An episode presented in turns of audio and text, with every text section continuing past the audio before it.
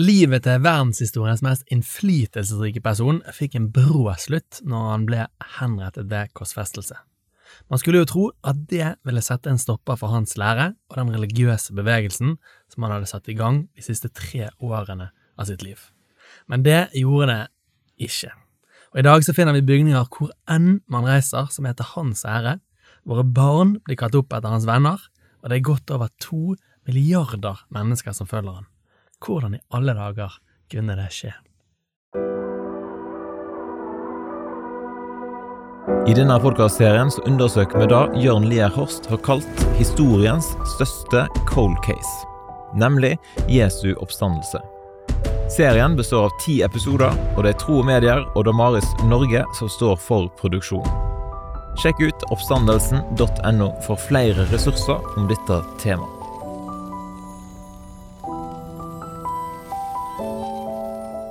Men Lars, er ikke det en ganske drøy påstand at Jesus er verdenshistoriens mest innflytelsesrike person?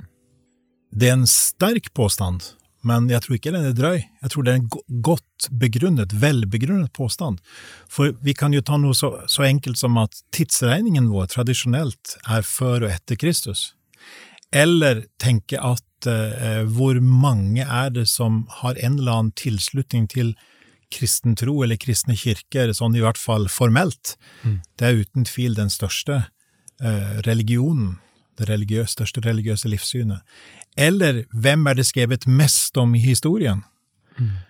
Og det er en interessant sak også at når det gjelder Jesus, så er hvem han er knytta til Hans budskap er knytta til hvem han er, mens de andre stiftene av livssyn har ikke den nære koblingen mellom hva de sier, og hvem de er. Så her er det mye spennende å utforske i, som vi gjør sammen i denne serien. Så det, jeg tror det, det er en sterk påstand, men det er ikke en drøy påstand at Jesus er verdenshistoriens mest innflytelsesrike person. Ja, det er en interessant en forfatter også som basert på det sier at av alle skapninger så er det vi mennesker som skiller oss ut. da. Av alle mennesker så skiller Jesus seg ut. Så han er en person som vi alle på en eller annen måte må ta stilling til. da. Hva tenker vi om Jesus, det som han sa, og den som han var?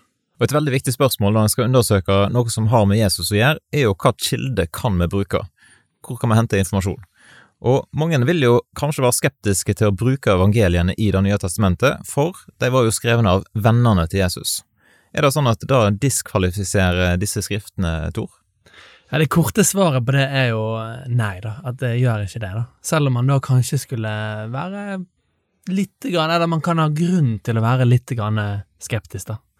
Eh, men som historiker så må man behandle de skriftene, som er skrevet ganske tidlig, på samme måte som andre kilder fra antikken, da. Eh, så man kan på en måte ikke ha som utgangspunkt at eh, det bare er religiøst skrot fordi at det er skrevet av Jesus sine venner, men man kan heller ikke ha som utgangspunkt at det er guddommelig inspirert. Så, så, det kan ikke være utgangspunktet. Man må ha eh, et objektivt historiesyn, og så behandle kildene som, som eh, man behandler andre kilder fra antikken. Og det er det historikere gjør, da. Og uavhengig av om de mener at det er Guds ord eller ikke, så er man overbevist om at man kan hente noen sikre historiske hendelser ut ifra skriftene som vi finner plassert i Det nye testamentet. da. Hva vil du, Lars, si at det er en god holdning til de skriftene som vi har i Nytestamentet, hvis en skal se på det da med historiske briller? Det å være åpen for at de gir historisk informasjon, og ikke utelukke på forhånd avheng, altså på grunn av sitt eget ståsted, sitt eget livssyn. For det er jo nemlig sånn at alle mennesker har en tro et livssyn som vi liker å snakke om eh, på, i kommunikasjon livssynsstudiet på, på Gimlekollen, på NLA-høgskolen i Gimlekollen, Kristiansand. Og, og, det er ikke tilfeldig at vi sier det for, det, for det må vi være klar over. Det er klart, Ser vi på andre kilder fra den tida, så er ikke de nøytrale, men de har, alle har sitt ståsted, alle har sitt perspektiv, og det må vi være klar over. Hva er perspektivet, og er det noe som forkludrer kildene? Nei, ikke nødvendigvis, men det forutsetter en åpenhet for å se på at de kan komme med historisk informasjon, og hvis de er de første og beste kildene, hvilket det er veldig gode grunner til å si, så er det naturlig å tenke at de gir oss mye. Du skriver, Tor, at de må behandles på samme måte som en hvilken som helst annen bok ifra antikken. Hva vil du si ligger i det? Ja, det var egentlig det som jeg sa i sted, sant? at man, man kan ikke ha som utgangspunkt at det er guddommelig inspirert. Hvis Jesus sto opp igjen fra de døde, så kan det være gode grunner til å tenke at det er guddommelig inspirert, men det kan ikke man ha som utgangspunkt for undersøkelsen, og heller ikke tenke at det bare er religiøs skrot, og det har ikke noe som helst historisk verdi. det. Og når jeg har eh, i min avhandling jobbet med dette, så bruker jeg fakta som det store flertallet av forskere og historikere er enige i, da. Uavhengig av livssyn, om de er ateist eller agnostiker eller kristen, det spiller ikke så stor rolle. Man er enige om at man kan hente noe historisk sikkert ut av disse kildene. Så jeg kan forstå en sånn skeptisisme, men man, man, man kan jo være så skeptisk som man vil, da, men, men man bør følge den linjen som historikere følger, da. Og da kan man si at disse kildene er de viktigste til å si noe om Jesus sitt liv. Men hva andre historiske kilder har vi til, til Jesus sitt liv? Ja, der, der, kan man jo flekse litt, da. Jeg må igjen si at det er de kildene som man finner i som er plassert i Det nye testamentet, som er de viktigste om Jesus sitt liv. Men i forhold til, til keiser Tiberius, som levde samtidig som Jesus, som var keiser i det store Romerriket når Jesus ble korsfestet, så har man de første 150 årene ti kilder om Tiberius, mens man har 42 kilder om Jesus. Så det er ganske stilig at en liten tømmermann fra Nasaret har 4,2 ganger så mange kilder om seg som den store keiser Tiberius. da.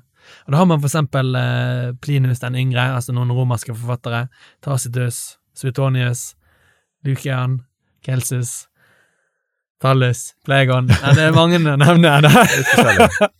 her. Kommer, kommer du på noen, eh, noen, sånne, Lars? Nei, jeg tror de er nevnt stort sett de viktigste her, tenker jeg, og, og det som jo er interessant, at det de peker på, er jo kanskje fremfor alt at Jesus de, de utenom bibelske, sant? de som ikke er nytestamentlige forfatterne her, de peker på at Jesus var en historisk person. Men skal vi vite hvem Jesus er, eller hvem han var som en historisk person der og da, så, er, så gir dette materialet oss egentlig noen pekere, men ikke dybdekunnskap. Og da må vi gå til de, de, de første og beste, som er evangeliene. Eh, og jeg fant frem her eh, en av de, en kollega sin bok her, 'Skeptikens guide til Jesus' av Stefan Gustavsson, om evangeliets troverdighet. Når han sammenfatter dette, sier han at hvorfor er disse de beste og første? Jo, han sier det har med å gjøre med hvor tidlig de er, når de er fra, dateringen, sant? de er de tidligste kildene. Det har å gjøre med forhistorien, den muntlige forhistorien. Regner vi inn det, som du også er inne på flere ganger mm. i, i, avhandlingen din, eh, Tor, så, så er det en ubrutt kontinuitet helt tilbake til Jesus. Og ser vi på innholdet i det, så påstås det at det kommer fra det som fortelles i evangeliene, er fra øyenvitner. Og de øyenvitnene er navngitte de er ikke anonyme. Og sammenhengen det skjer i, er geografisk Juda, Samara, Galilea. Og en spennende sak som, som eh, en ny forskning er hvor presise evangeliene er når det gjelder jødiske navnevalg. Mm. Det er faktisk noe som jeg ikke var klar over, og det er nokså ny forskning de siste 20 årene, som har pekt på at det er forbausende nøyaktig. Og først etter det kan vi si at det har med forfatterne til evangeliene å gjøre. Mm. Og det er jo et, til, det er tillegg etter at de ble skrevet. Eksempel evangeliet etter Matteus. Det, det, var ikke første det som ble skrevet først, men det var av tradisjon. Tidlig kom det til. Eh, og så til slutt evangelienes ærlighet mm. om det som uh, du kaller det skade, skadevirkningen, ikke sant? eller mm. at, at den er ærlig om det som ikke var positivt. Peters fornektelse, for eksempel. Mm. En av de største lederne som forteller, fortelles om hva som skjedde med han. Det Bildet totalt sett her blir sånn at det skal veldig en antipatiholdning, sant? en negativ, skeptisk holdning til for å avvise evangeliene som historiske kilder. Og derfor så har vi gode grunner for å si at det er de første og de beste. Ja, og I avhandlingen så legger jeg fram syv aspekter da, som gir troverdighet til en hendelse, og en kilde. da. Og det er noen av disse som du her nevner, Lars. da. For dere som skal lese avhandlingen, så vil dere finne de utdypet. da. Men det kan jo si det da, at det er flere, å ha flere uavhengige vitnemål, at man har selvskadende materiale, sånn som du nevnte, eh, at det er hevdet av en fiende, tidlig vitnedom, kontekstuell helhet og arkeologisk bekreftet. Og så at det er berettet av ett eller flere øyenvitner. Du har nevnt, eh, Tor, at eh, du tar utgangspunkt i historiske fakta som det store flertallet av forskere, både ateister, agnostikere og kristne, er enige om. Hva ligger det i det? Det betyr jo at det er fakta som ikke er så veldig omdiskuterte, da. Og det er litt eh, interessant for kristne å høre at det finnes noen sånne fakta, og, og veldig sånn oi, er det sant, liksom? Mange blir veldig overrasket over at man at historiere faktisk bruker skriftene i Det nye testamentet.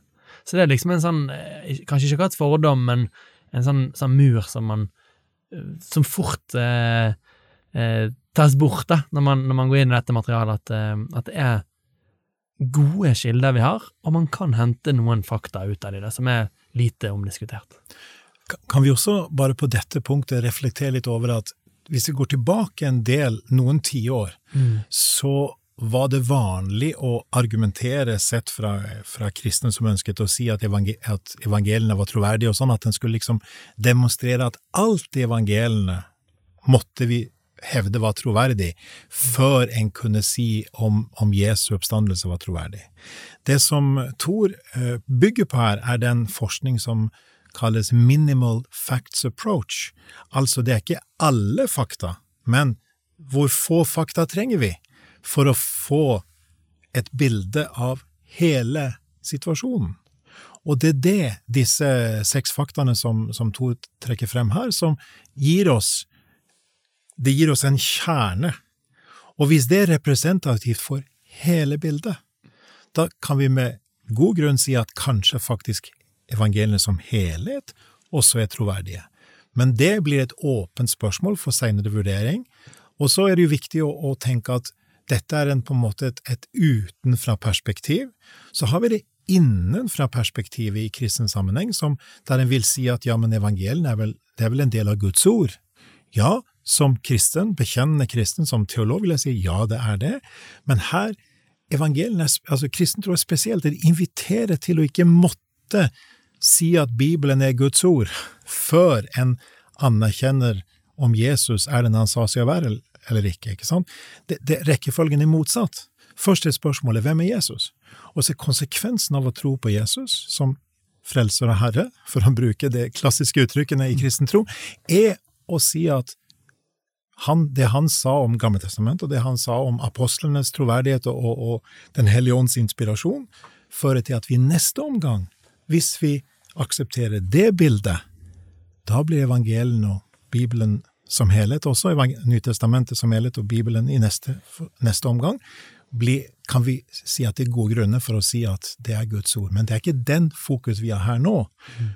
Og derfor så er det sånn at vi trenger altså kun de viktigste faktaene, og ikke alle fakta. Og du Tor, du trekker fram den religiøse konteksten. Hva har du tenkt på når du skriver om det? Ja, religiøs kontekst tenker man er et sted der man, hvis det finnes en gud, kunne forvente å finne et mirakel.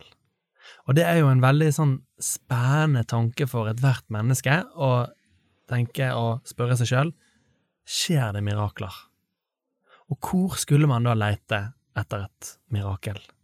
Og da bør man se på religiøs kontekst, da. Og den religiøse konteksten rundt Jesus sitt liv er jo at han er verdenshistoriens mest innflytelsesrike menneske, og han hevdet noen voldsomme ting om seg sjøl, da. Og hvis det da skulle ha skjedd et mirakel i historien, så virker Jesus' liv å kanskje være det aller beste stedet å starte en sånn undersøkelse, da. Så det er ikke på en måte bare Ola Normann, en helt tilfeldig person, eh, på et tilfeldig sted til et tilfeldig tid, men her er det altså snakk om den personen som har hatt størst betydning i historien. Derfor virker det veldig naturlig å starte en mirakelundersøkelse med han. I neste episode så skal vi se på det første fakta, nemlig at Jesus var død.